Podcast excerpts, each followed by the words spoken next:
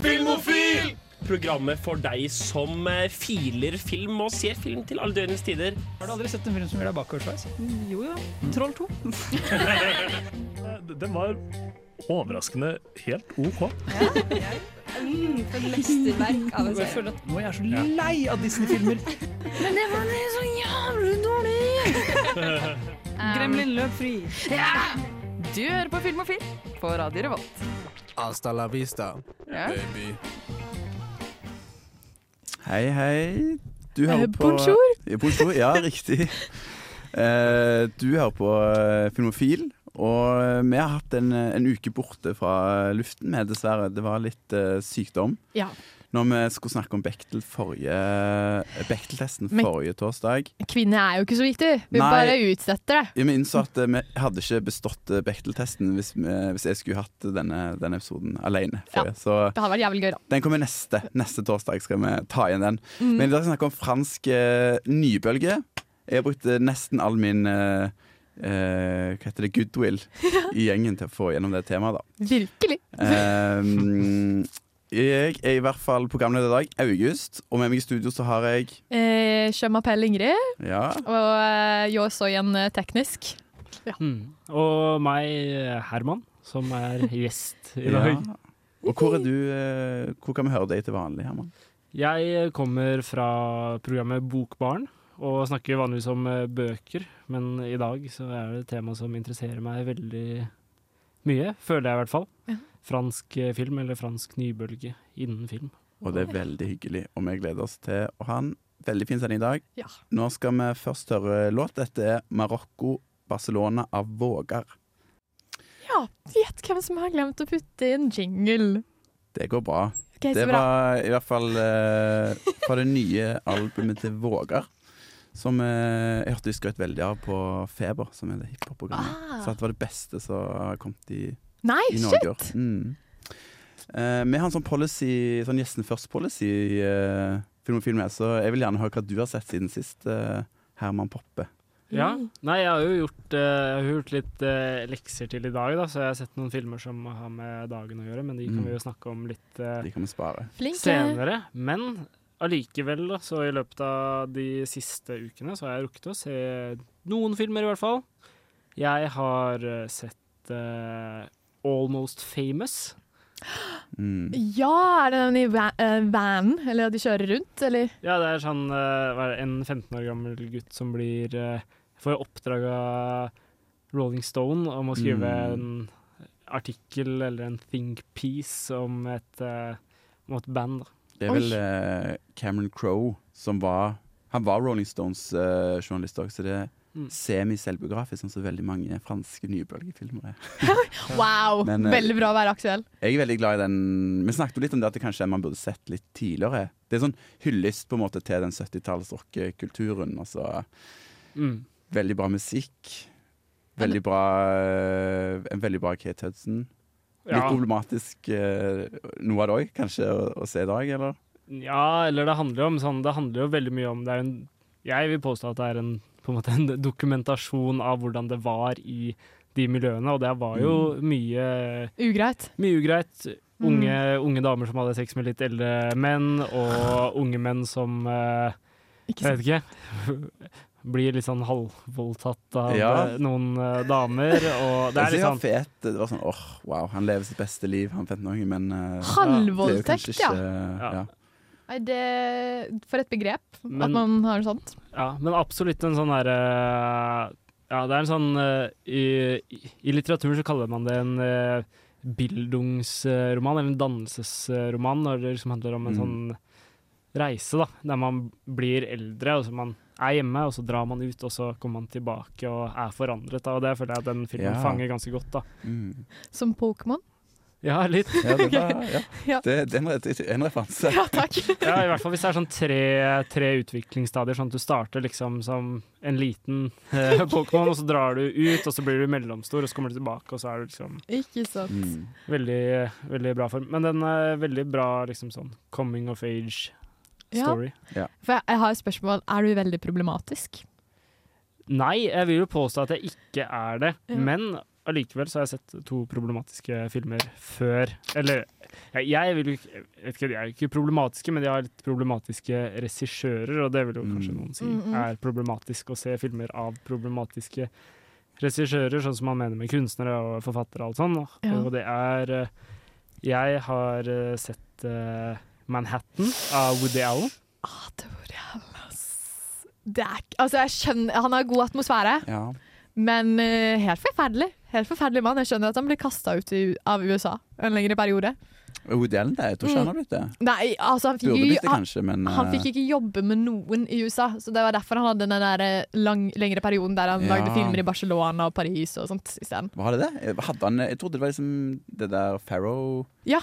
Men det kom etter Vicky Christine Barcelona. Da. Han var i Frankrike, men jeg er litt usikker på hva som er Om han mest er dømt på en måte i, i media mer enn han har fått noe Her... jeg, tror, jeg tror ikke han egentlig har en sånn straffe. Nei, nei, det er ikke noe sånn straffe, man bare sleit med å jobbe med folk. Og dette Ja. her er fra min Mm. eh, veldig troverdige kilde, min far. Ja, ok. Mm. Ja, det skal ikke jeg, det skal ikke jeg si noe om. Bare sier det. Mm. Ja. Men den er Eller sånn sett bort ifra alt det problematiske ved den, så jeg syns jeg den er jævlig morsom. Ja. Den er. Spørsmål. ja. Hvor Woody Allen spiller inn selv, ikke sant? ja, han er hovedrolleinnehaver. Og hvilke, hvor gammel er kjæresten hans i den filmen? 17 Og hvor gammel er han i filmen? 36, eller? I Arrest rest my fucking case. Ja, så den er jo selvfølgelig Det er jo litt problematisk, men det er litt sånn som i Almost Famous, da. Mm. Dokumenterer eh, Mm. litt Grooming! Sånn, ja. Det kalles grooming. Ja, Sorry. ja, Jeg skal gi meg. også, eh, Ja. men jeg tok jo, måtte jo ta liksom, eh, dagen etterpå og følge, opp med liksom, ja, en film som er av liksom, hans eh, sjele, sjelevenn eller bror i den Også en jævelmann, da, antar jeg. Ja, så det var eh, The Pianist av Roman Polanski. Ja. Ja. Som er en veldig bra film. Da Det synes jeg, der, synes jeg, der kan vi i større grad liksom skille uh, regissøren fra, fra den filmen, da, for det er jo en, en veldig, Og det, det, er sånn, tematisk så har det jo ingenting å gjøre med kanskje Nei, det er det han har gjort. da Ja, Oh shit! Det, Roman Pol er, det er ikke han som har um, Chinatown? Jo. Faen! Hva, OK, og han var pedo? Ja, han ble dømt for uh, ligge med en 13-åring. noe sånt. Ja. Ja. På, på 60-tallet. eh, og så tror jeg ikke han har hatt uh, Han har vært i eksil da, i uh, Frankrike Ja, men det i 50 år. og Noe sånt.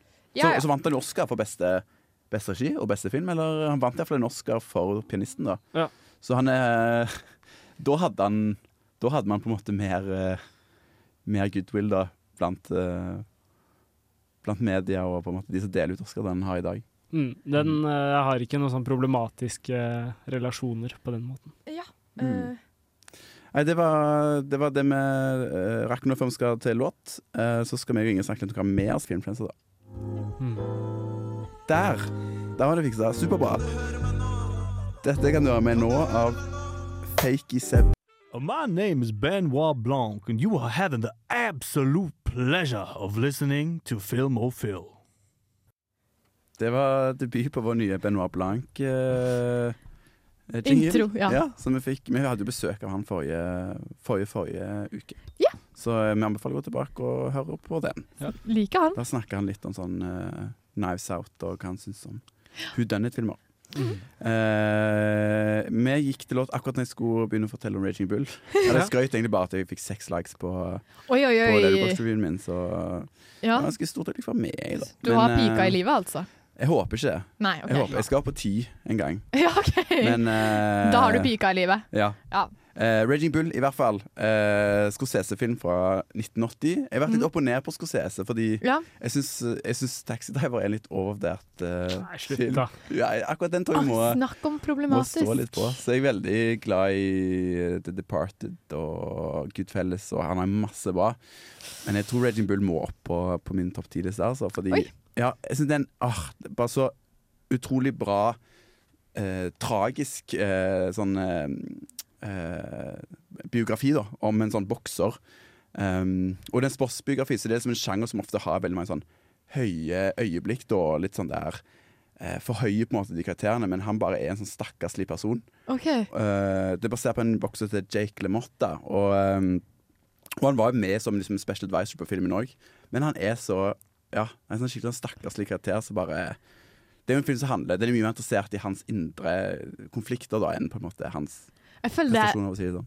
sånn, i alle fall i forhold til Departed, Mm. uh, som jeg så nylig, så hørtes ikke det veldig likt ut. For The Departed var bare sånn oh, vold, oh, vold, oh, mystikk, Ja, er mer liksom- vold, ja, ja, oh, pen dame. En eklektisk filmskaper, Martin Scorsese. Ja. Jeg gleder meg veldig til den Killers of Flower Moon. Hva har du sett siden sist, uh, Ingrid? Jeg uh, jubla av jeg, jeg ble så glad. Jeg skulle logge meg inn på NRK og se Mordomiserie på søndag, som man ser, hører og bør. Mm. Og der fant jeg ut at det kom til ny sesong av Babylon Berlin. Ja. Så det er det jeg har gjort i hel, eh, denne uka. Nå har jeg hatt tid, da. Da jeg satte meg ned og så Babylon, Babylon Berlin. Det er fjerde sesong.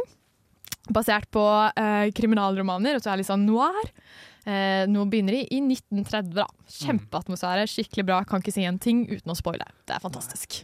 Ja. Ja, for den, sånn, den er satt til sånn før andre verdenskrig. Ja, ja, ja. Weimar-perioden i Ja. eh, Mhm, Berlin. Den er, er fantastisk. fantastisk. Det er den dyreste serien produsert i Tyskland, da. Mm. Ja. Så det gir mening. Det er eh, Og mysteriene, atmosfæren. Det er så sykt bra. Jeg Og de tør tør å ta den eh, så langt. Jeg så at Filmpolitiet var veldig fornøyd med sesongen òg, så Må altes Ja. det, må, det må sjekkes ut. Mm. Eh, nå skal vi høre. Let Me In av Giddy Gang med Ivan Ave. Hei, jeg er oraklet fra Uhu. Jeg er fly forbanna, og du hører på Radio Revolt. Uhu.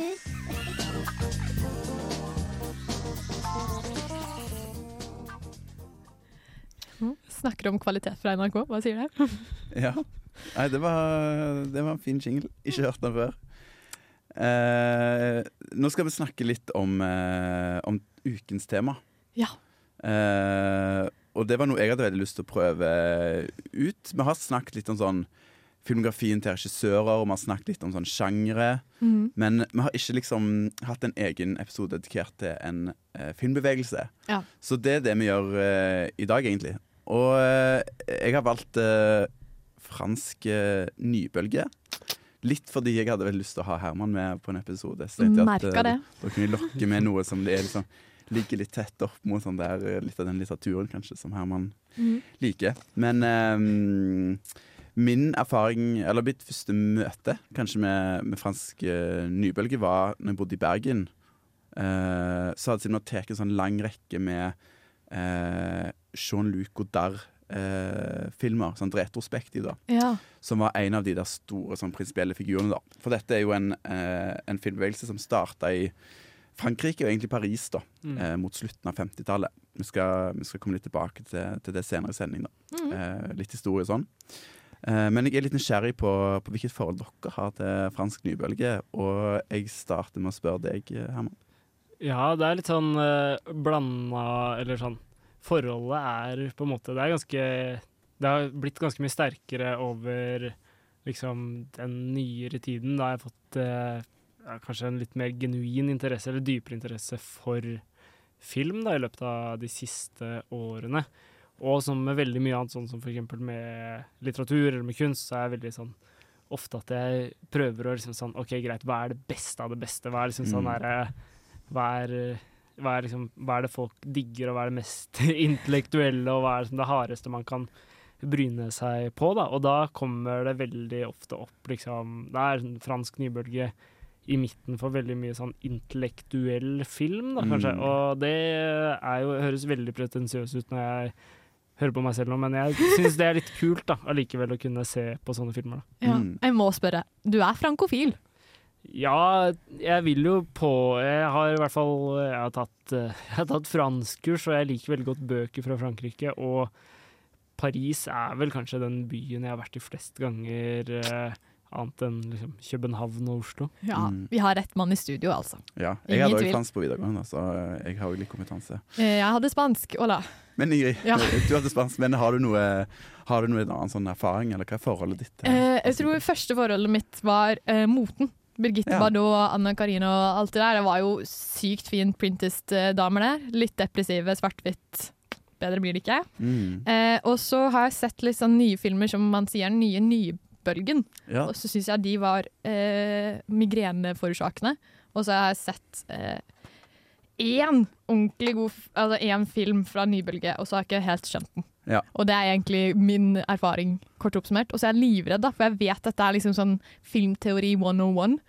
Ja, kan være i hvert fall. Men, uh, Ja. ja. men det er bra å ha litt delte meninger i studio òg. Ja, ja, ja. Det blir en god diskusjon. Mm. Uh, nå skal vi til låt. Eh, dette er 'Money in the Microwave' av Fie. Altså Min ydmyke mening er at det aller beste du kan gjøre hvis du våkner opp og er litt klein på en søndagsmorgen, er å bare koke opp noe bra, ikke altfor hardt brent kaffe, og bare sette på en robot på Sofin. Ja.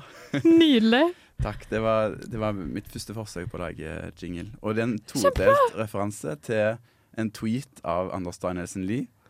Og Ah. eh, noe så eh, du sa til meg en gang, Herman. Ja, Oi. det er vel min fyllesyke oppskrift. Ja. Det hørtes jo litt ork å se på film ut når man er fyllesyk. Men jeg, det gir litt mening. Jeg skal prøve det neste gang. altså. På søndag da skal jeg se, se på en og så film. Ja, for det, det, det som er sånn det jeg har funnet ut, er at uh, når, du er, når du er ganske klein og død og ligger liksom komatøs i senga, Ja. da er det ingenting som er liksom lettere å gjøre enn å bare drikke kaffe, ligge rett ut og se på en skikkelig treig, eller sånn ganske treig film. ja, ingen handlingfilm, liksom. Jo, eller handling, men sånn der, jeg husker første gang jeg gjorde det, så så jeg på Det syvende seil av Ja. Ingmar Bergman. Ja, det er Ja. mening. Fordi ja, det krever kanskje så mye. Du vil ikke se Uncut Gems eller en sånn superfrenetisk film. kanskje. Snatch når du er fyllesyk. Ja. Um, vi snakker jo altså da om Frans Nybølge. Og Robert Brousseau han er ikke fransk nybølge, lærte jeg nå. Sånn hvis man skal være veldig hard i definisjonen. Mm. Uh, for det, det her er en, eh, en filmbevegelse som starta på slutten av 50-tallet. Ja. Uh, og forløperen var jo uh, at de grunnla et eh, filmmagasin i Frankrike som heter Cahiers du Cinema. Mm. Eh, og her var de veldig uh, opptatt av uh, det å snakke om regissøren sin rolle i film, og at film var noe mer enn bare underholdning. da. Som på en måte Vi snakket eh, faktisk eh, Vår søster eh, Vårt program Nerdeprat De ranta litt om det at eh, spill i dag Det har liksom ikke samme kredden som det film og litteratur har. Ja. Mens vi var litt der Fordi vi er for- bedre. Ja, vi er det. Er det så rart, egentlig? Ja, Ja. Men For 60 år siden så var vi litt der med film. Da sant? Ja. da, da, hadde, da hadde ikke den samme statusen som det litteratur hadde. da Mm. Ja, for det var det ikke sånn at uh, Det her er vel, eh, handler veldig mye om eh, krigen, andre verdenskrig. Mm. Og at uh, etter at det hadde vært sensur i Frankrike, så kom det veldig mye amerikansk film, eller utenlandsk film, til Ja. Frankrike. Og det er som oppgjør mot tidligere tradisjon. Ja. Mm. Ja, det var litt sånn slik jeg også forstår det. At det var sånn, Etter andre verdenskrig så gikk Frankrike veldig tilbake i tradisjonelle Det som var før Frankrike, på en måte. Mm. Og så kom disse og var sånn Det er jo litt kjedelig. Og det, det, vi, vi kan ha ikke-lineære fortellinger også. Vi kan ha håndholdte kameraer. Ja.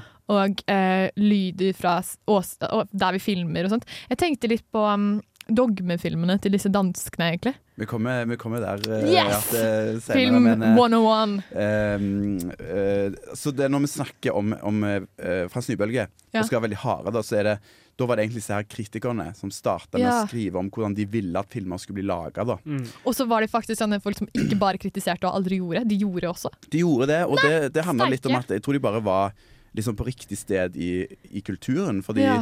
Eh, de hadde en idé om hvilke film de ville lage, og så var det liksom et tidspunkt når masse filmklubber begynte å vokse fram i, i byene. da Ja. Og folk var interessert i å se eh, kunstfilm. da Mm. Så mange av disse regissørene fikk jo eh, De fikk lage de filmene de hadde lyst til å lage, uten så mye eh, på en måte sånn overordnet kontroll fra studioer.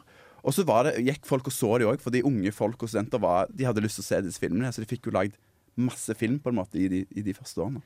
Ja, Så de fokuserte vel kanskje litt på unge år, da, kanskje. Mm. Ja, naturlige miljø. Mm. Ja, og så ut, sånn På 50-60-tallet utvikla det seg jo en veldig sånn sterk cinematekkultur i Frankrike. Mm. Med ja, mye forskjellig film. da Fordi Fran eller De som starta det her, Cahiers de Cinema, Mm. det maga fil kjente filmmagasinet, Kjente filmmagasinet. Mm. ja, de digga liksom sånn Orson Wells, da, for eksempel. Altså, Den skjønner jeg godt, da. Og Alfred Hitchcock òg, Ja. så de hadde, lyst til å, de hadde jo lyst til å holde fram De kritiserte jo ikke bare Hollywood, de ville også liksom holde fram de regissørene som de mente lagde film som var liksom bra kunst. da Oh, ja. mm. så, så det var liksom noe av de de lot seg inspirere av òg. Så selv om det var en avvisning av det der eh, litt sånn streite filmspråket, da, de prinsippene og teknikkene som ofte var vanlige, så tok de jo lot seg inspirere av masse filmer da fra den æraen i tillegg. da. Ja. Kan jeg spørre som eh, De fleste prinsippfaste unge mennesker, var de ganske fattige? Antar jeg? Lavbudsjettfilm, eller er det, hadde de backing av store studioer? Altså, jeg tror det var litt uh, begge deler. De ville jo ha, de ville jo ha på en måte kunstnerisk frihet. Ja. Og så var det på en måte Siden disse her filmene hadde et marked, så fikk de penger til å lage det òg, da. Ja, Men okay. de er jo, de er jo lavbudsjett, så de var jo billige å lage òg. Som gjorde det veldig lukrativt uh, Ja. å finansiere de, så vidt jeg har forstått. Nice. Eh, nå har vi snakket litt sånn generelt om, eh, om eh, fransk nybølge, så skal vi snakke litt om eh, litt sånn kjennetegn, da. Ja. Eh, du, eh, du var litt inne på det allerede, Ingrid, men eh, det skal vi snakke om litt etter at vi har hørt Procrastination Station av Homo. Hei, jeg heter Ine Jansen, og du hører på Radio Revolt. Du hører på Radio Volt og Filmofil, og vi snakker om fransk eh, nybølge i dag. Ja. Eh, og vi begynte å snakke litt om hva det er forrige, forrige uh, før låt. Ja. jeg, skal ikke si, uh, jeg skal ikke si det ordet som eh, enkelte i radioen uh, Nei, da får vi bank, så det må vi prøve å la være. Før sangen? Ja, ja, det er hemmelig. SS-ordet. sangen.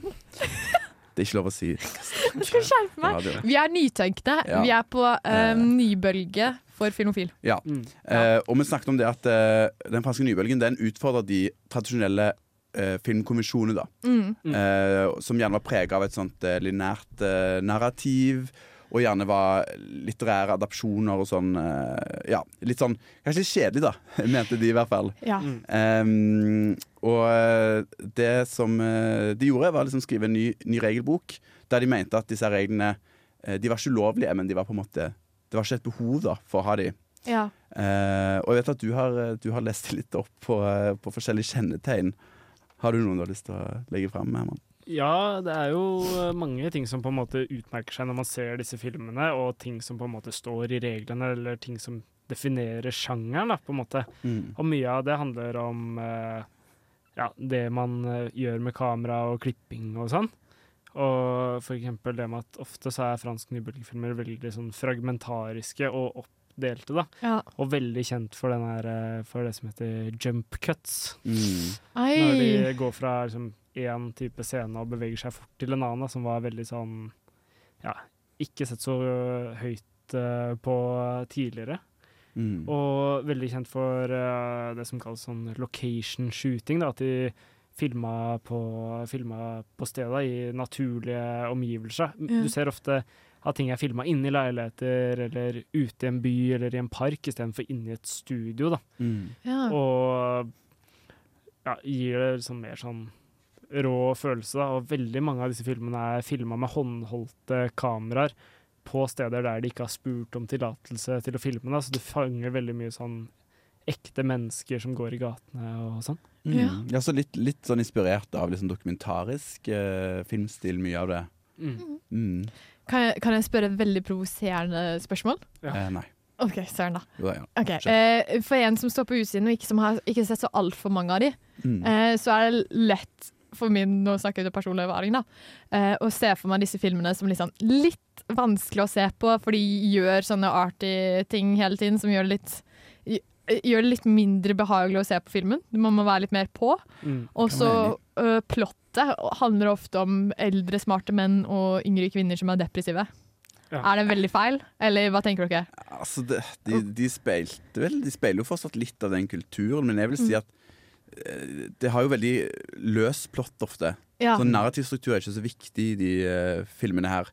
Og så bruker de ganske mye tid i, i scenen òg, sånn, mens på en måte klassiske Hollywood-filmer de er sånn Alt skal være viktig for å fortelle historien. sant? Ja. Så de hadde ikke tid til å på en måte bli i en scene. da Så de er, ganske, eh, de er ganske tålmodige, kan man si òg.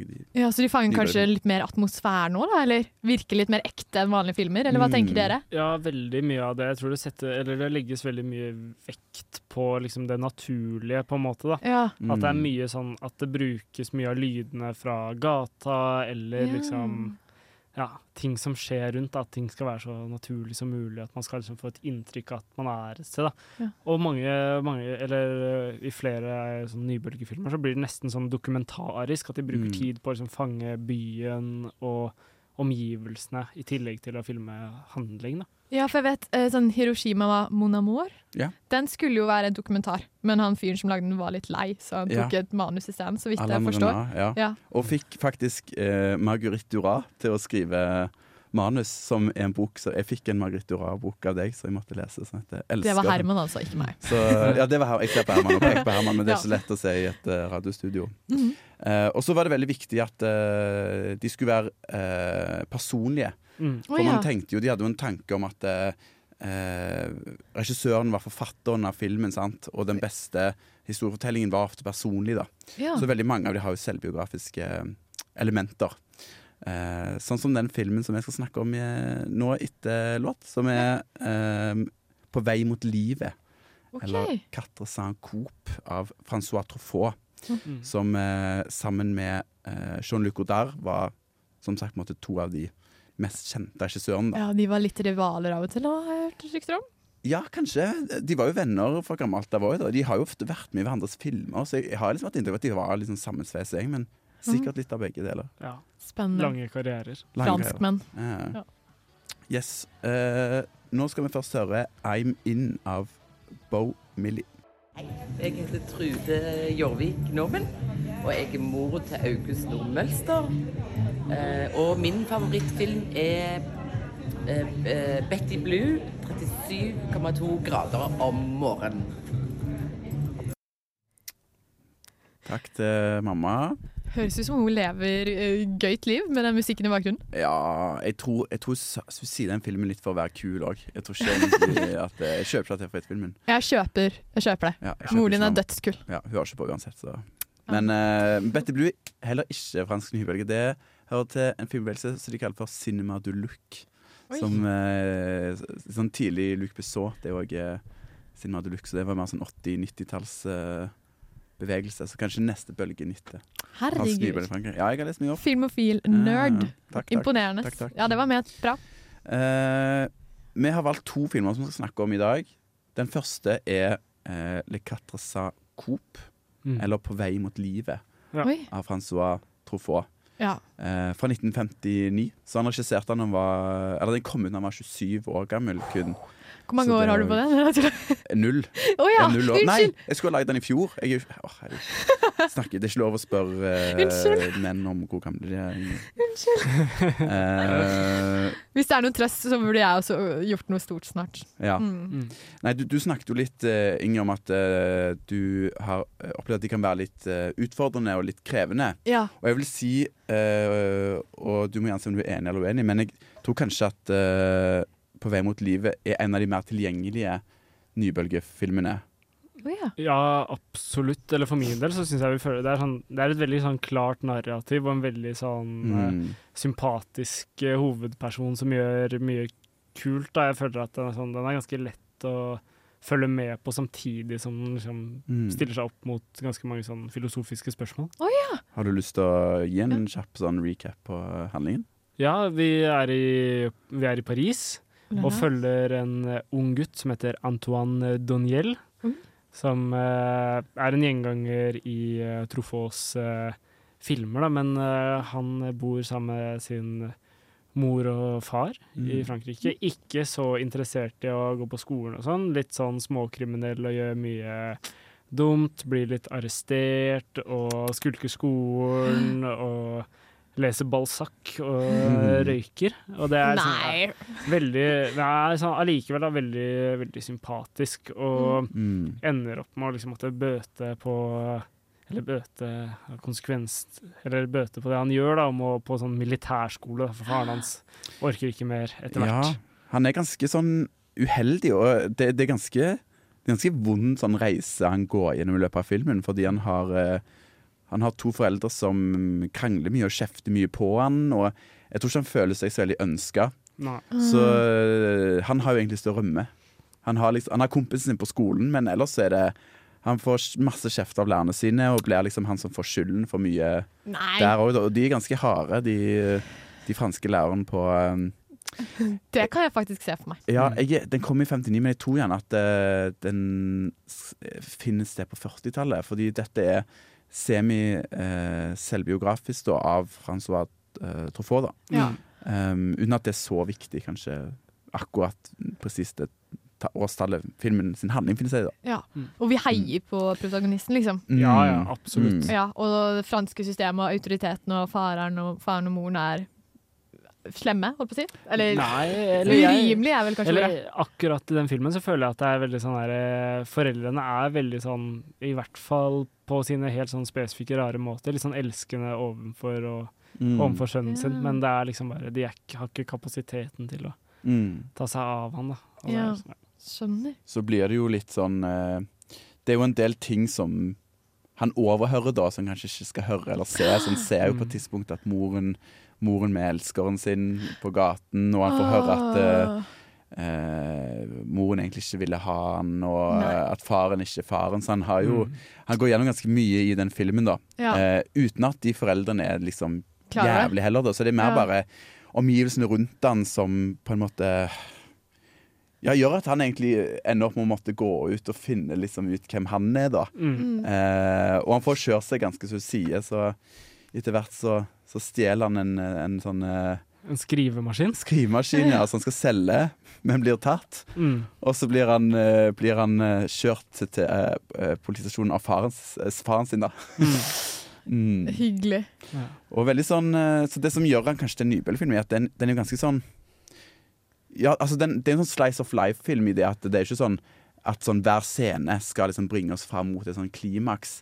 Det er liksom Du følger livet hans, og så blir han fortalt uten liksom at det er noe sånn særlig sånn mye sånn sent sentimentalitet i, Ja. Mm. i scenen, men man får veldig Man Ja. føler veldig med guttene. Ja. For det jeg lurer på, altså hvis Jeg er veldig opptatt av stemning. Hva slags stemning sitter man igjen i? Er det liksom litt sånn nostalgisk? Er den litt melankolsk? Jeg føler franske film ofte Mm. går de veiene. Eller er det litt sånn der Oi, han har hele livet foran seg. Eh, jeg- vil si at hvis man på en måte tar med sluttscenen i Mm. betraktning, så, så sitter man med en slags sånn frihetsfølelse. Det er veldig sånn forløsende. OK. Mm. Ja, Litt sånn håp? Ja, og en, av- en av de beste sluttscenene i noen film, syns jeg egentlig. Den avslutningen når han på en måte han, han løper ut på en strand, da. ok. Og så har han aldri sett Han har aldri sett sjøen før, da, for han er jo vokst opp liksom inne i Paris, og familien har ikke, hatt råd til å ta han med ut på landet, da. Mm. Så han får uh, Han springer ut liksom til, til vannet, og så står han der. Og så, og så avslutter det med sånt freeze frame, da, uh, av ansiktet hans. Mm. Og da er det litt sånn der Er han, er han fri, eller sånn, hva skjer? Sånn, Ah, ja, ja. eh, Litt tvetydig. Så eh, en sinnssykt bra film, altså. Ja. Jeg, jeg, synes, eh, jeg anbefaler den til alle. Ja. For, for meg er den perfekt, og en fem av fem på Letterboxd. Ja. Inn i mine topp Den har fire blitt favoritter. eh, nå. Jeg, eh, jeg ja, den- den har rykka opp fra 4,5 til 5. Altså. Å herre min.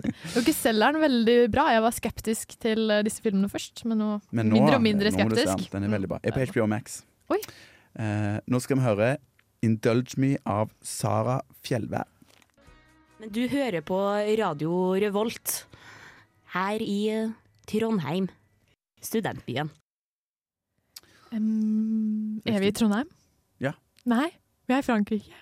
Å ja, ja. I hodene våre så er vi det fordi Ja. vi snakker om fransk eh, nybølge. Oui.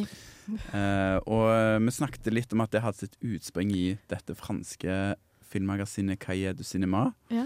Med, så hvis man skal være eh, Noen mener jo at eh, Da snakker man om eh, Jean-Luc Godard, Erik Romer, Francois Truffaut, Claude Chabrol og Jacques Rivette. Men så, så har man òg det som de kaller for left bank.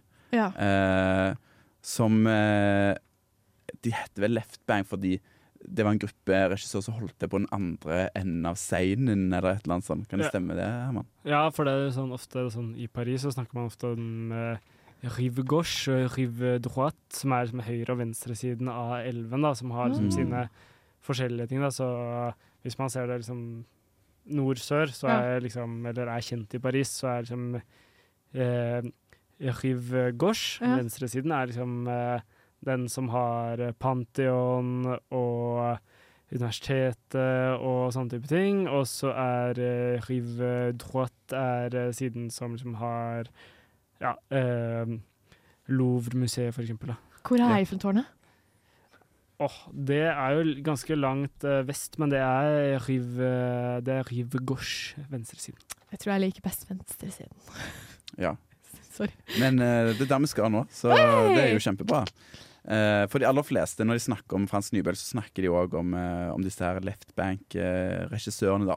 Ja. Eh, og de var Ja. Det var ikke de som hadde utgangspunkt til å være filmkritiker.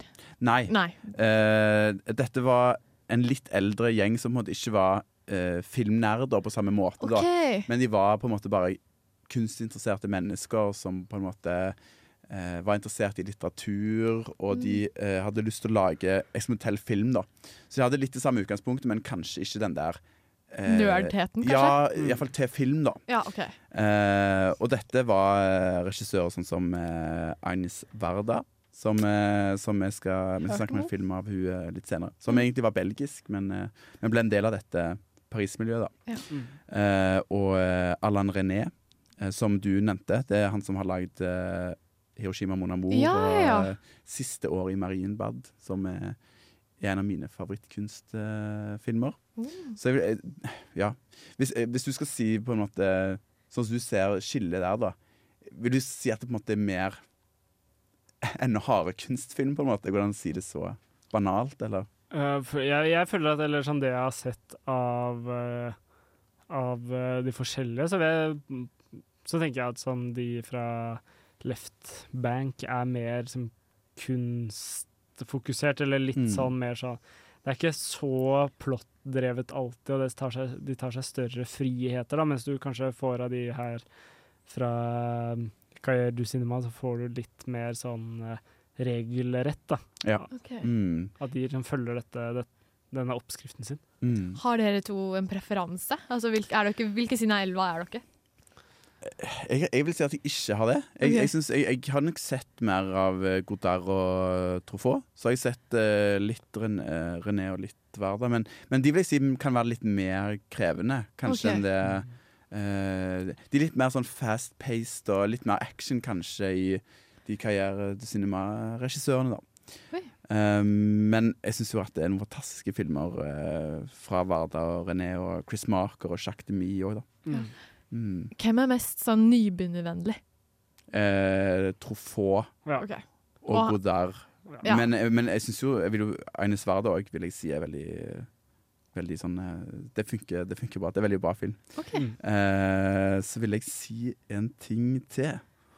Og det var Nå mister jeg litt eh, tråden her. Skiple August hele tiden, jeg beklager. Eh, Eh, jeg tror det er at eh, Ja.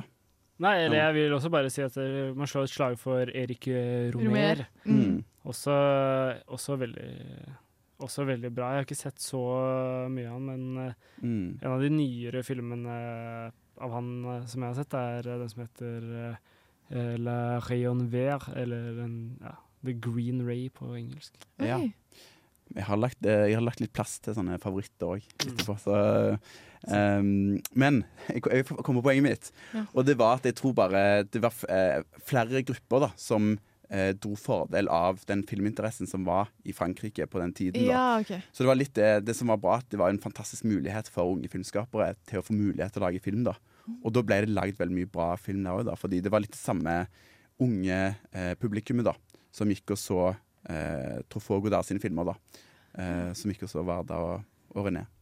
Ja, fordi de ble jo superstjerner på eh, en måte. Skikkelig respektert. Og Mm. Truffaut først, og så Godard, og de fikk jo masse Mm. De fikk jo noen priser i Ja, Cannes og Berlin, og de fikk jo etter hvert eh, BAFTA og Oscar-nominasjoner òg. Mm. Så Ja. de ble skikkelig anerkjente, og lagde masse film. Ja, og Mm. Agnes Varda fikk jo æres-Oscaren i 2017, tror jeg. Mm. Så de ble gamle, noen av de. Truffaut døde ung, dessverre. Men Nei. Eh. Nå skal vi til låt. Vi skal høre 'Sint' av Hilja. Jeg liker jo litt film, da. Ok, Men ikke se amerikansk film. Personlig så ser jeg bare fransk. Helst uten undertekst. Hæ? Hva? Har du sett den Wolf of Wall Street? Jeg vil gjerne lyst til å jobbe med sånn finans etter den, egentlig. Tarantinos fotfetisj er misforstått. Det er et av de beste narrative virkemidlene i filmhistorien. Joker bare snakker til meg. Jeg bruker ikke ordet kino. Jeg sier eh, cinema. Hvis du ser en eneste Marvel-film, så er du en jævla taper. Men hører dere på Filmofil? Ja. Ja, jeg sier òg uh, cinema. Du sier cinema, ja. I hvert fall i dag når vi snakker om fransk eh, nybølge. Mm, veldig filmbro du er, da. Takk. Var- Eh, ja. Nei, eller jeg tror ikke Filmbros ser på Agnes Werda-filmer, sånn som meg og Herman har gjort eh, i forberedelse Jeg tror du er- jeg tror du er trygg, jeg, August. Ja. Eh, ja, vi skal snakke litt om eh, Cleo fra fem til syv. Ja, den vil- kom fra, den er kommet i 1962, Ja. tre år etter eh, The 400 Blows. Mm. Som snakker om eh, Som var laget av Truffaut. -huh. Eh, Agnes Verda var egentlig født i Belgia. Så kom hun til, så kom hun til Frankrike når hun var tolv. Studerte kunsthistorie, foto, litteratur, psykologi. Nei. Veldig mye, veldig mye greier. Sjeleliv på denne damen. Eh, og hun, eh, hun kom etter hvert eh, til Paris fordi hun eh, skulle studere på Sorbonne. Og da har hun beskrevet det som et fryktelig minne fra min ankomst til denne grå, umenneskelig triste byen. Eh, så eh, det gir kanskje litt kontekst til, til den filmen vi skal snakke om nå. Ja. Uh, men som, uh, ja, som vi snakket om litt med de Left Bank-regissørene, så hadde jo de en litt annen inngang, da. Så de kom gjerne fra liksom, fotografi og, og dokumentarfilm, da, før de begynte å lage narrative filmer. Mm. Uh, og uh, jeg gjør sånn som sist, jeg, og, og ber Herman om å forklare hva handlingen er i Cleo fra fem til syv. Nei, den er jo ganske, den er jo ganske grei. Vi følger en, eh, en dame, ung dame som heter Cleo, fra fem til sju. Klokka fem til syv, liksom? Halv syv, faktisk. Ja. Ja. Det er litt misledende. Nei! Mm. Den høres ikke like fengende ut. Cleo fem til halv syv. Nei, men det er, den er eh, Ja, det er en film som tar for seg en ung dame. Og starter liksom med et sånn fargebilde av noen tarotkort Mm. Som blir lest. Og så endrer perspektivet seg til mellom to damer, Cleo og en eldre dame da, som leser disse tarotkortene. Mm. Som sier at liksom, ah, det kommer til å skje noe fælt, og at den er syk. da. Så handler det om liksom en dag, eh, eller noen timer, da, gjennom eh, Cleos eh, liv, der hun på en måte føler seg dårlig, gjør litt ting som hun er vant til, da, så ender vi opp liksom på et sykehus i slutten, da. Mm. Så er det liksom på en måte, ja, gjennom sangtimer og handling i butikker og Mm. ja. Ja. Som veldig sånn her eh, slags sånn dokumentarisk eller sånn her eh, parisisk eh, gateportrett, da, kan man kanskje si. Ja, for hun vet noe skjer. Hun venter på en viktig telefon eller noe sånt. Eller en Mm. viktig beskjed, gjør hun ikke? Hun har litt sånn Ja, det ble jo avslørt i første scene, egentlig, men hun venter på et prøvesvar da på om hun har eh, kreft eller ikke. Ja. Så hun eh, Ja, hun har liksom den her Det er det som måtte man går og venter på i filmen, da. Den her ja. skjebnen og den dommen hun har over seg, da. Så, så går hun rundt og gjør helt sånn på en måte mundan ting, da.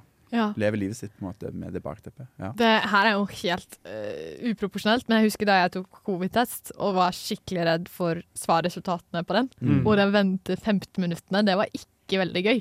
Nei. Mm. Så merker man samme type nervøsitet, at det sitter i magen på henne, eller, eller prøver hun å glemme og bare gjøre vanlige ting og putte det bak. Eller hvordan er det å se på? Ja, det er jo på en måte liksom, det er litt intenst. Allikevel eh, så er det fint. Men det er jo liksom sånn du merker at det er noe som er litt på en måte off hele tiden, da. Ja. Og hun blir litt sånn Hun er ikke fornøyd med måten sangene hun skal synge er, eller det, Ah. hvordan det er i butikken der hun handler, og så har hun problemer med kjæresten sin som ikke har tid til henne. Litt sånn ja. Mm. Feil dag, kompis. Veldig feil dag. Mm, så en sånn trist eh, historie. Ja, for hun kan jo helt sånn mye Hun er ganske dramatisk Mm. underveis, da, sånn som du sier med den kjæresten her. bare sånn, Nei, han, han elsker meg ikke, og jeg skal slå opp med han. Og, Oi, såpass, ja. og så neste øyeblikk så går hun og trøster shopper hatter og Men eh, en veldig kul film. Og her òg Den er ganske leken på en måte i stilen, enda mer enn det um, The 400 Blows, eller På vei mot livet, hva vil jeg si da. Så her ligger mm, enda mer ligger på en måte i formen, kanskje, av det som, det som er bra i, eh, i Cleo fra 5 til 7, vil jeg si da. Ja. Og så eh, er det en veldig, veldig kul scene mot slutten. Der var truffet en sånn soldat. Oi. Så sitter de på en sånn trikk da, og har en sånn samtale, veldig sånn dynamisk. Sånn, han beveger seg rundt, og du ser på en måte hva som skjer i bakgrunnen, som er Jeg er helt sikker på at Richard Linklater har stjålet i Mm. eh, Before Sunrise. da, Så det er en, en veldig sånn Jeg tror det er en film som har hatt innflytelse på mange. Ja, mange kan regissører. skjønne det. Mm. Dere vil anbefale den? Ja, Ja, absolutt. ja, absolutt. Ikke, men ikke en sånn, ikke sånn favorittfilm, kanskje, er det som, eh, som det er på vei mot livet. Men det er jo en smakssak, selvfølgelig. og Det, Ja. det er en veldig anerkjent film. Veldig bra film. Ja. Eh, ja, eh, vi, må, vi må til låt med. Eh, nå skal vi høre 'Kameleon' av Michelle Ullestad. Hei, vi er Honningbarna, og du hører på Radio Revolt. Takk til Honningbarna. Du Ja. hører på Filmofil. Vi snakker om eh, den franske nybølgen. Og så har vi sagt at det finnes liksom flere måter kanskje å definere hva er nybølgefilm. Ja. Eh, og vi har fått snakket litt om et par, men det er jo masse masse bra filmer da, som hører til den bevegelsen her. Så jeg hadde lyst til å høre om dere hadde noen dere hadde lyst til å trekke fram. Og jeg, eh, jeg spør deg først, Ingrid, om du har, eh, Ja. Eh, har du en favoritt? Favoritt Ja, jeg har sett en som de kalles Den nye nybølgen. Som sagt, den he, eh, het uh, A Fateful Man med Lily Rose Depp, blant annet. ja. Snakker fransk. Jeg likte den ikke. Jeg hata den som pesten. Den var grusom å se på. Jeg fikk hodepine. Eh, den var veldig surrealistisk. Eh, skal ikke begynne meg på handlingen engang, men la oss bare si en ung mann mellom en gammel kvinne, eller ung kvinne og en eh, stesønn som er bestevennens, men kanskje hans, og det var en myntkast, og det, han liker å ha båndopptakere i madrassen. Så den var vond å se på. Og Lily Rose Depp som bare går til angrep på denne eldre damen. Ja. Det var litt gøy. Eh, men eh, som sagt, det er ny, ny bølge, ifølge en eller annen filmkritiker som lurte meg til å se den. Så da tror jeg jeg skal prøve meg på en mer ekte en, og det er en der Le Memphis. Ja. Eller eh, Skapt for kjærlighet, som det heter på norsk. Av uh, han fyren du er så glad i, Gord Gordar. Ja. Takk. um, jeg vet ikke om den er favoritten min, men den er pen å se på. Jeg Mm. liker den ikke helt, Nei. Uh, den heller. For jeg tror jeg har blitt introdusert til feil filmer. Uh, Ut ifra hvordan jeg har hørt dere prate. Men det handler om en uh, intellektuell mann som uh, bruker sin vakre kone som en hallik. Og Ja. sender henne av gårde til en uh, slesket amerikaner i, på den italienske vakre naturen. Der han skal egentlig hjelpe til med filmatisering av Odysseen. Ikke sett, men det høres ut som en uh, Godard-film. Ja. eh, for det om. Og Birgotte Bardot er eh, denne vakre konen, og hun er naken så ofte. Så du vet Legger han- til på watchlisten gutta. ja. Chill. Mm. Ja. Eh, veldig vakker å se på, da. Jeg elsker jo italiensk eh, natur, og den er jo filmet helt tullete vakkert. Ja. og Birgitte Bardot er jo både vakker og talentfull. Og disse mennene er ekle. Så stemning. Mm. Ja, du Herman, da? Ja, jeg, skal, jeg har også lyst til å anbefale en eh, Godard-film, egentlig. Som egentlig ja, eller den var et av mine sånn første møter med filmer jeg syns var sånn skikkelig bra fra denne perioden. Og det Mm. About de Souffle, eller Breathless, av uh, Godara, som kom i uh, 1960, som er som en av hans, ja, kanskje hans mest kjente film. Mm.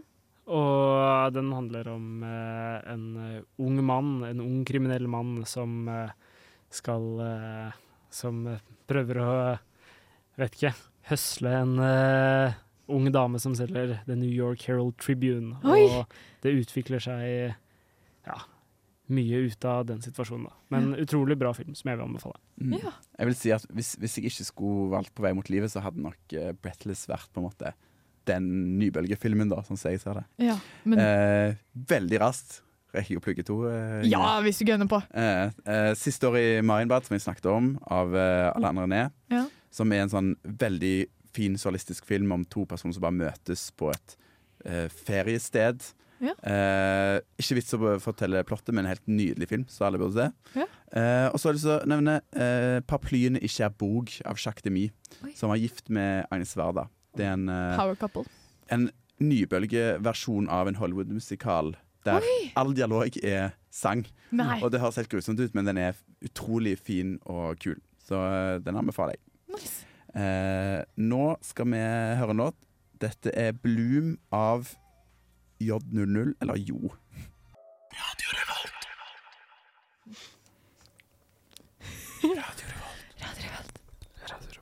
Bra. Tatt runda. Mm. Nå eh, eh, tenkte jeg at vi skulle ta oss litt tid til å snakke litt om eh, den innflytelsen som nybølger har hatt. Ja. Og så når jeg, når jeg liksom bestemte at det, det kunne være et kult tema, så syns jeg at det på en måte Det kunne vært en egen sending, kanskje? Ja, for det, det, altså, den innflytelsen er så Mhm. stor, da, bare fordi eh, Det var så mange filmretninger som på en måte eh, grodde ut av de prinsippene. da Det med at man kunne være mer leken, og at man kunne bruke på en måte formen i film til å gjøre så mye annet enn Ja. på en måte det konvensjonelle. Og ikke bare eh, altså narrativ som ikke var eh, bare kronologisk, så vidt jeg forstår det. Mm, og det å, sant, å ha en, en personlig tilnærming til historiefortellingen. Ja. Og, så den listen er jo nesten endeløs. Liksom. Du har eh, Irans nybølge, Japans nybølge, Cinema Novo i, eh, i Portugal. Eh, du har eh, britisk og tysk nybølge. Ja, det var vel et, et, et visst tidligere medlem av denne, dette, dette radioprogrammet, Eivind, som skrev bachelor om tsjekkisk nybølge. Ja. Ja. Eh, Som Aspondu, selvfølgelig. ja, sant. Alle har jo en forhold til det. Eh, så, så jeg tenker vi må være litt sånn eh, selektive, kanskje, i, eh, i hva man kan skal trekke frem, da. Mm. Eh, og jeg eh, har jo veldig snakket om Joakim Trier. Ja. Eh, og det tror jeg Herman òg har lyst til. Ja, Oslo-gutten selv, vet du. Jeg er glad i han, da. Ja. Ja, men han er jo sånn, han er en sånn selverklært uh, eh, Eller han er veldig sånn selverklært uh, inspirert av Frans Nybølge, da. Og alt, og han òg er jo en sånn som sikkert bare gikk på Så alt som var på Cinemateket i Oslo på, Mm. på 90-tallet. Men jeg begynte å se eh, en film som heter Jules and Jim, Ja. som òg er en Truffaut-film fra Ja. jeg tror det er 1962. Som handler om to venner eh, som blir forelska i samme dame. Og, og, ja, og den måten å portrettere det selskapet eh, Det vennskapet på, som veldig nært, og eh, som liksom nesten deler liv med hverandre. Og, og måten de bruker sånn narrasjon på. Mm. De har en sånn fortellerstemme som sa eh, Ja, Jules viste eh, første utkast i nye boken sin til Jim, og Jim sa liksom dette. Ja. Det er veldig reprise. ja. så, så da Og det leste jeg òg, at det var liksom en sånn hoved, hovedinspirasjon til reprise.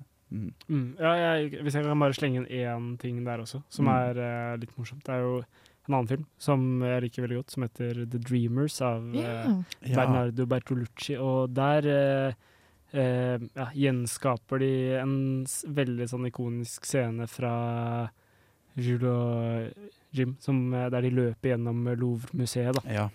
Så den er, ja, det er ganske fint. da. Det handler om jeg vet ikke, tre, ungdom, eller tre unge mennesker som er veldig glad i å gå på film. Mm. Oi, som oss. Ja, som oh. oss. Oh. Eh, og uh, Det her slutter vel kanskje. Likheten, jeg glemte det!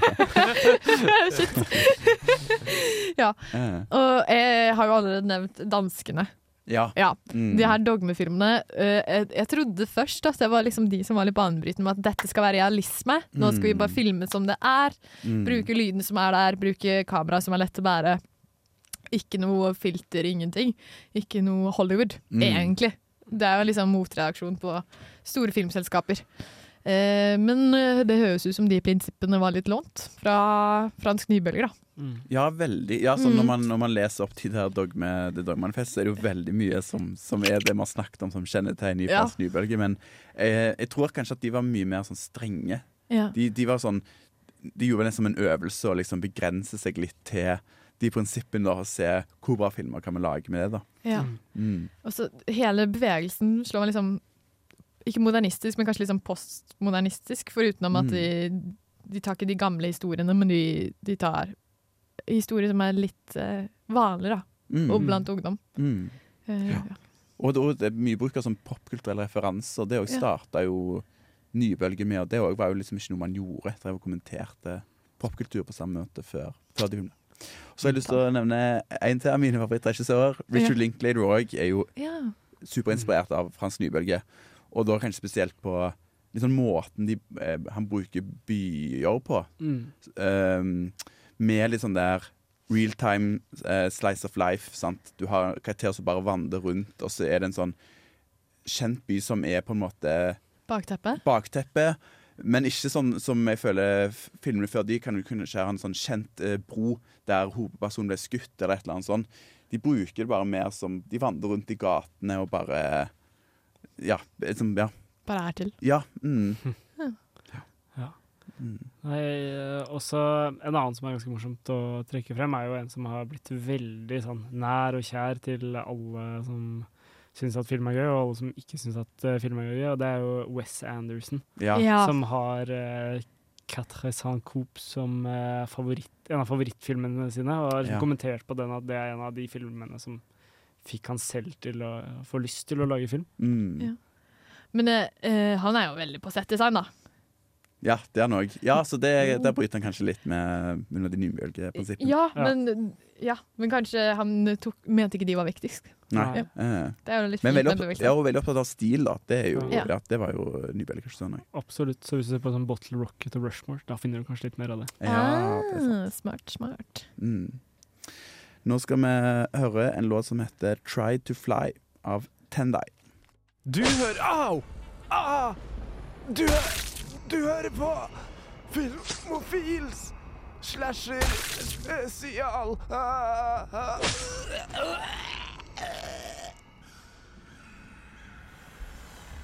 Ja. Unnskyld. Ja, men den, det, er jo, det er jo en fantastisk uh, jingle. Men den er med Ja.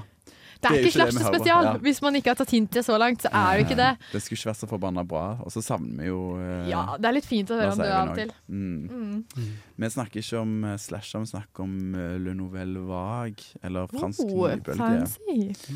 Ja, og eh, nå skal vi egentlig avslutte det temaet litt. Så det er liksom om folk har noen sånne Ting man sitter igjen med. Ja, Ja. noen, eh, noen sånne avsluttende remarks. Har du noen, Ingrid? Ja, jeg kan hive meg på, jeg. Eh, jeg må jo si eh, det er jo kanskje blitt litt klart, da. Men jeg gikk inn i studio og var jeg kjempeskeptisk når jeg tenkte nå blir det sånn kvinner er bare sexsymbol, uh, skitprat. Da ble jeg redd. Jeg redd Ja, du, det er så frykten i øyet ditt. Ingen slashes denne forsvare her. alle, alle Ja. igjen. Unnskyld. Nei da. Um, ja, for jeg, jeg trodde fort det kunne bli litt sånn eldre menn, yngre damer, kvinner er bare depressive og Mm.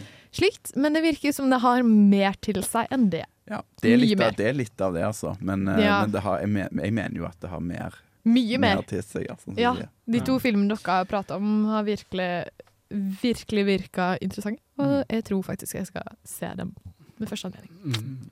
Ja, og så for min del så er det bare sånn der Etter sånn fordypningen i det, da, sånn den innsikten i hvor mye det har betydd for Hva skal man si? Sånn eh, eh, For andre regissører, hvor stor sånn imprint det har på Ja, alt som har med film å gjøre, og Mm. Det å En slags sånn demokratisering av det å lage film, da, at du ikke trenger så mye utstyr, at du kan ja, skyte film eh, utendørs uten eh, Uten å være på, liksom, i studio, for eksempel. Jeg vet ikke, Mange sånne ting da, som jeg føler har vært liksom, veldig positivt med det. da, Virker som en sånn veldig sånn løftende Mm. revolusjon innenfor kino. Virkelig. Og Mm. filmene virker gode òg. At det virker som det er verdt å se noe. Man blir ikke frustrert over at det går evig langt og det er svart-hvitt. Mm. Som jeg av og til kan bli.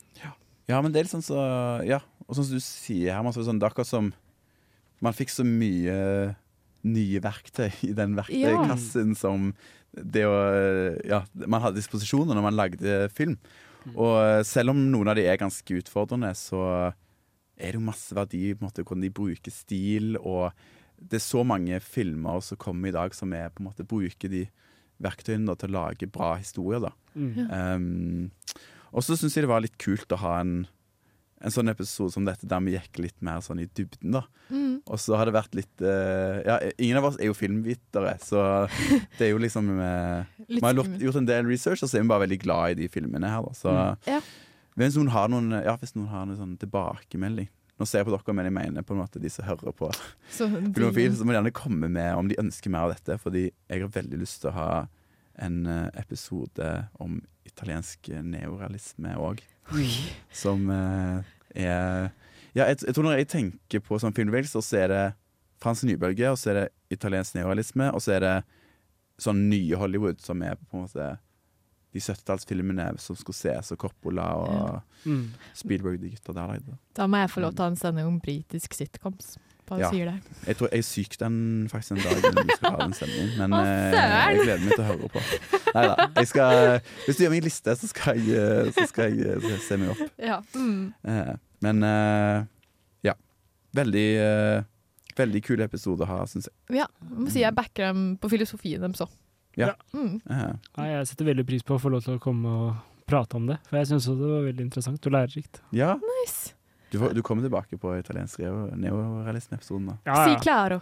Ja. Det var veldig dårlig. Men det blir litt til òg, for nå skal vi jo snakke om eh, litt nyheter òg, da. Det skal vi òg. Spole litt i tid. Mm.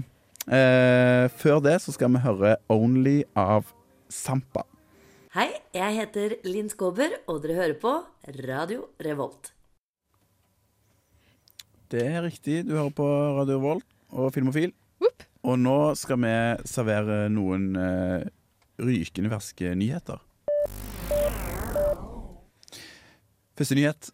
Eh, Manusforfatterne sine streik er over nå. Har de Eh, fått eh, rettighetene sine? De har det. Jippi! Eh, Detaljene, så vidt jeg ser i, eh, i den avtalen, er ikke helt klare. Men eh, de har jo vært eh, veldig, veldig mange som har vært ute i streik. Ja. 11 500 siden 2. mai. 148 Så det har dager. Vært, ja, så det har vært enormt mange produksjoner som har uh, måttet stoppe opp, og det har vært ganske store følger. Uh, Ja. Og for oss konsumenter som har fått uh, utsatt en del serier og, og. Eh, streiker fortsatt skuespillerne? Det gjør de. Så så den, er ikke, den er ikke over. Men det betyr at det er en del ting som man kommer til å sette i en produksjon på. da Ja. Eh, og noen av de kravene var jo da høyere lønn og noen endringer eh, i forhold til der man får strømmetjenester som har blitt liksom store player da, i Mm. bransjen. Mm. Så det har vært en, eh, noen avtaler som skal liksom tilpasses da, etter dette. Ja. Mm. Å ja. Ja. Du skal få en til. Unnskyld meg. Nei, det går bra.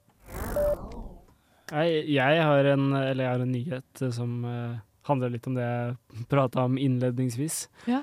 Uh, men uh, jeg uh, har fulgt med litt på hva som har kommet, eller hva som har på en måte hatt med Venezia-benialen å gjøre. Og der Ja. har jo det vært to kontroversielle skikkelser igjen.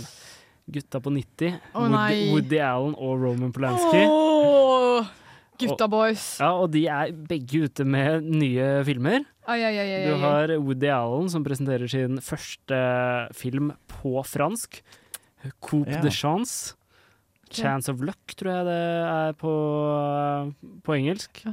Som eh, har fått ganske bra kritikk, i hvert fall eh, i av NRK.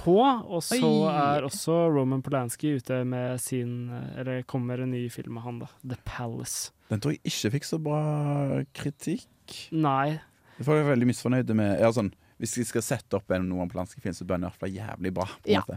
Men de er så liberale nede på kontinentet at det der eh, Ja, jeg føler Italia bare ja, ikke bryr seg helt. Uh, ja. Ja, der får de komme. Ja. Mm. Men jeg tror ikke jeg kommer til å se Roman Polanski-filmen, men jeg tror jeg har lyst til å gi Woody Allen en sjanse med veldig kritiske Veldig, briller. veldig veldig kritisk. Og det er bare for å sjekke hvor unge skuespilleren er, eller ser ut. Ja. Ja. Men må man ha på de kritiske brillene når man ser Altså, man er i kinosalen, det er jo liksom Ah. Det er jo å maksimere Altså- seeropplevelsen, da. Ja, Woody Allen har jo blitt anklaget for veldig grove ting. Mm. Og så anklaget for grooming for å gjennomføre disse tingene. Og så blant annet da, gjennom filmene sine så ser man Mm. grooming-tendenser. Mm. Men han har lagd jævlig bra filmer, da. Ja. Det Det er skal liksom han trist, da. Ja. Veldig bra, sound, veldig bra soundtrack. Jeg liker jazzen i filmen hans. Nei, det er bare at du holder oss våke. Oh, ja da. Hvis ikke så Nei, men herre min, derfor Hadde vi invitert Woody Allen Hvis man ikke vet hva Woody Allen er anklagd av, så uh, google. Jeg Mm. gidder ikke å gå inn på det nå, det er for depressivt. Men det er ikke de verste nyhetene i Eller de mest tragiske nyhetene i dag. Nei. Ja, um, kjæreste Michael Gambon har gått bort i dag. Ja. Som sikkert de fleste har fått med seg. Og han er jo egentlig i Irland, men han er den mest sånn stereotypiske ja, Noen deler av Irland er jo britisk, da. men britiske skuespillere man kan tenke seg å si. Så hvis du tenker en britisk film, så har han vært med. Mm. Harry Potter, Pannington, The, the Whole uh, ting. Uh, han har spilt Churchill, blant annet. Uh, vært mye med i kostymedramaer og um, og eh, enkelte Wes Anderson-filmer. Han har stemmeskuespill i hvert fall i Fantastic Mr. Fox. Ja, det jeg ikke. Veldig flink mann. Han, han klarer å spille skummel eh, eh, Han klarer å spille skummel brite. Syns jeg er veldig bra. Skummel overklassebrite. Mm. Enig. Han har spilt i Dr. Who òg, må Ja. bare si det. Og snill mentor i Harry Potter. Ja Mm. jeg, synes, jeg tror ikke jeg forsto Harry Potter. Jeg trodde humlesnurr var slem. Det er han ikke. Oh, ja. Nå skal vi høre Flow av eh, Jordan før vi sier takk for i dag. Ja, Da eh, skal vi bare veldig kjapt uh, si takk for at dere hørte på. Ja. Og eh, Takk til Herman som var gjest. Takk Tusen takk. takk. For at jeg fikk komme. Da vi klarte. det. Eh, Kom igjen. Og at husk å høre på vår uh, Bechdel-sending, som er neste torsdag. Skulle vært forrige, blir neste. Fortsatt samme hjemmelekse. Kvinner kan vente. Ja, se, se Lady Bird. Så har vi fått noen fete gjester òg denne episoden, så det blir Ja. veldig, veldig bra.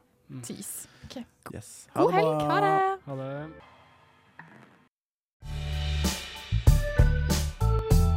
Du har lyttet til en podkast på Radio Revolt, studentradioen i Trondheim. Sjekk ut flere programmer på radiorevolt.no.